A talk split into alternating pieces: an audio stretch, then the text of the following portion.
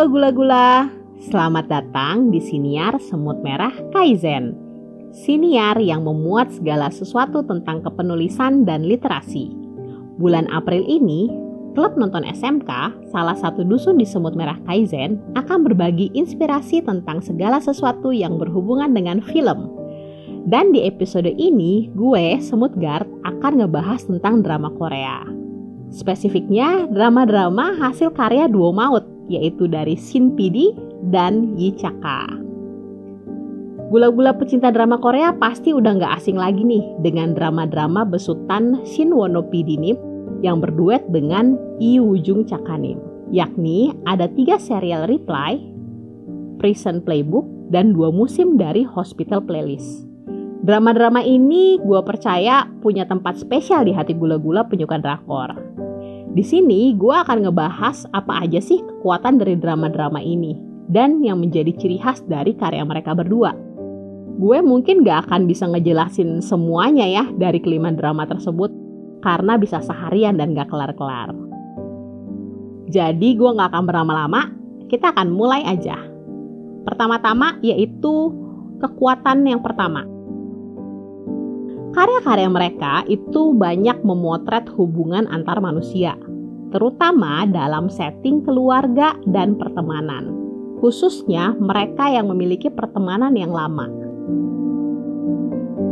Serial Reply itu pertama dimulai dari Reply 1997, lalu Reply 1994, dan terakhir Reply 1988 Ketiga series reply tersebut berangkat dari sudut pandang keluarga dan dinamika hubungan orang-orang yang berteman sejak masa kecil hingga mereka usia dewasa. Reply 1997 itu berawal dari persahabatan dua keluarga yang berkembang dengan persahabatan anak-anak dari kedua keluarga tersebut dan sahabat-sahabat mereka di SMA. Kalau Reply 1994 itu berawal dari satu keluarga yang mengelola kos-kosan mahasiswa dan memotret gimana sih keseharian di rumah kos-kosan tersebut. Bagaimana interaksi orang-orang yang ngekos di sana dan persahabatan mereka sejak mahasiswa hingga usia 40-an. Terakhir ada Reply 1988 yang berangkat dari keseharian lima keluarga. Mereka saling bertetangga dan anak-anak mereka berkawan erat sejak kecil hingga dewasa. Sedangkan untuk dua drama lainnya, yaitu Prison Playbook dan Hospital Playlist, itu berangkat dari keseharian dan dinamika hubungan orang-orang di setting profesi khusus. Kalau Prison Playbook berangkat dari dinamika antar tahanan dengan tahanan dan petugas penjara dengan tahanan, pastinya setting penjara ya.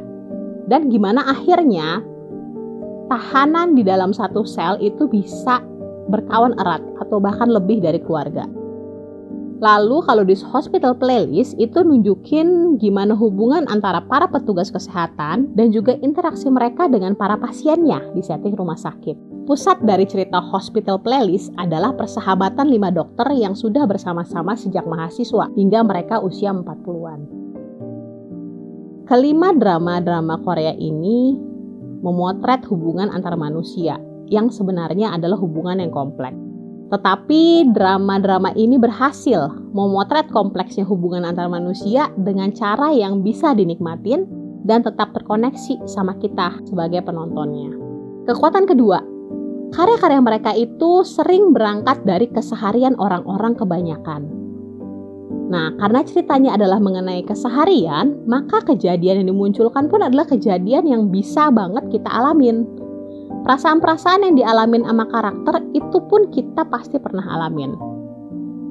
Spesial untuk Prison Playbook dan Hospital Playlist, mungkin banyak yang berspekulasi seperti ini. Karena settingnya khusus banget di penjara dan rumah sakit. Gimana kita bisa relate? Gula-gula jangan salah, karena tahanan, petugas penjara, dokter, pasien adalah sama-sama manusia, manusia biasa sama seperti kita. Tokoh-tokoh dengan peran yang beda-beda ini dipotret semanusiawi mungkin. Kekuatan naskah yang membuat kita sebagai penonton tetap bisa relate ke mereka yang profesinya beda banget sama kita. Tapi buat beberapa orang, jenis cerita yang mengangkat keseharian ini mungkin bisa mengcreate atau membuat satu momen-momen yang ngebosenin. Karena ada kalanya alur menjadi sangat lambat, jadi monoton. Namun jangan khawatir gula-gula. Tiap episodenya tuh sebenarnya kaya, kaya akan emosi. Plot yang mungkin diawali oleh kesedihan mengandung bawang bisa berujung kocak. Karena penempatan humor yang pas ini bisa nyiimbangin episodenya, jadi bikin lebih segar. Terutama serial Reply yang kalau gula-gula ingat itu terkenal dengan bunyi embek kambing setiap abis ngeliatin adegan yang kocak. Kekuatan ketiga, di dalam episode-episode tertentu karya mereka, itu mereka sering mengangkat tema-tema khusus. Misalnya, tema kehilangan, atau tema peran seorang ibu, atau peran seorang kakak laki-laki. Bisa juga tema menjadi manusia di tengah-tengah profesi mereka, dan tema-tema khusus lainnya. Salah satu contoh yang gue inget itu adalah di Hospital Playlist. Ada salah satu episodenya yang mengangkat tema ibu. Jadi selama beberapa episode itu ditunjukin gimana sih interaksi mereka para dokter ini dengan ibu mereka. Lalu dari sisi pasien ada juga kasus-kasus yang menceritakan peran ibu. Contohnya, ada seorang anak yang harus mengambil keputusan terkait pelepasan alat bantu hidup ibunya. Padahal anak ini tidak pernah bertemu ibunya sejak kecil karena ibunya meninggalkan dia.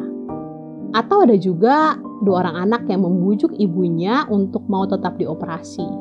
Karena waktu itu ibunya menolak menganggap operasi adalah upaya membuang uang saja. Dan apalagi ibunya sudah berusia lanjut. Namun si anak berusaha untuk membujuk supaya ibunya memiliki kualitas kehidupan yang baik walaupun mungkin tidak terlalu lama. Kekuatan keempat, serial-serial drama ini, terutama serial Reply, memasukkan setting peristiwa yang benar-benar terjadi di Korea Selatan pada tahun adegan itu terjadi. Jadi buat gula-gula yang udah pernah nonton serial Reply, pasti tahu dengan alurnya yang maju mundur. Sehingga setiap adegan itu akan dituliskan itu tahun berapa latar dari adegan-adegan tersebut itu juga menyebutkan ada peristiwa apa yang benar-benar terjadi di Korea Selatan di tahun itu. Biasanya mereka memasukkan peristiwa politik, olahraga, atau pop culture yang sedang happening di tahun tersebut. Bagi kita penonton internasional mungkin nggak gitu enggak ya, tapi buat penonton Korea hal ini bisa bikin mereka bernostalgia. Kalau gue sendiri suka sambil googling tuh, misalnya saat itu disebutkan tokoh politik yang lagi mencalonkan menjadi presiden. Gue googling dan ternyata bener. Di tahun itu beneran ada presiden yang namanya itu, yang akhirnya terpilih. Atau misalnya ketika Korea berhasil masuk ke semifinal Piala Dunia, itu juga sesuai dengan tahun di mana adegan tersebut muncul. Nah, kekuatan kelima itu gue ambil dari Prison Playbook dan Hospital Playlist, yang karena settingnya khusus, hal ini nunjukin bahwa riset mereka berdua itu solid dan kaya. Bahkan di YouTube ada akun dokter yang bikin reaksi saat menonton episode-episode di Hospital Playlist. Seperti yang kita tahu, karena Hospital Playlist itu adalah drama kedokteran, mereka perlu menunjukkan bagaimana suatu penyakit itu didiagnosis, bagaimana sebuah operasi itu dijalankan. Jadi di akun tersebut dikupas habis tuh, tepat nggak sih metode operasinya yang dikatakan di hospital playlist atau bener nggak sih cara menegakkan diagnosis itu seperti ini? Dan hasilnya adalah menurut mereka adegan-adegan di hospital playlist itu masuk akal dan tepat dengan pengetahuan medis yang ada. Hal ini nunjukin kepada kita bahwa Pidinim dan Cakanim benar-benar memperhatikan detail-detail dan hasil kerja mereka memuaskan. Ini juga menunjukkan gimana besarnya perjuangan aktor-aktor tersebut, gimana mereka ngapalin barisan-barisan kalimat yang sulit, dan akhirnya bisa mempresentasikan di adegan demi adegan dengan sealamiah mungkin. Poin yang satu ini sih bikin gue makin jatuh cinta ya sama karya-karya mereka. Pastinya gue masih nungguin nih karya mereka selanjutnya. Ada rumor mereka tuh mau ngebuat serial baru dengan setting profesi khusus lainnya. Dan gue juga ada di barisan setia yang nungguin dengan harap-harap cemas apakah akan ada kelanjutan dari Hospital Playlist yaitu season ketiga. Wah, kalau kita ngomongin drama Korea dari Shin PD dan Lee Chaka, nggak akan berhenti deh. Gue bisa ngomong berjam-jam. Jadi kayaknya gue harus stop sampai sini dulu ya. Semoga gula-gula bisa semakin penasaran dan langsung cus nonton drama-drama yang udah gue sebutin tadi di OTT yang tersedia. Demikian episode senior kali ini dari Semut Guard. Datang lagi besok ya untuk inspirasi lainnya. Salam literasi.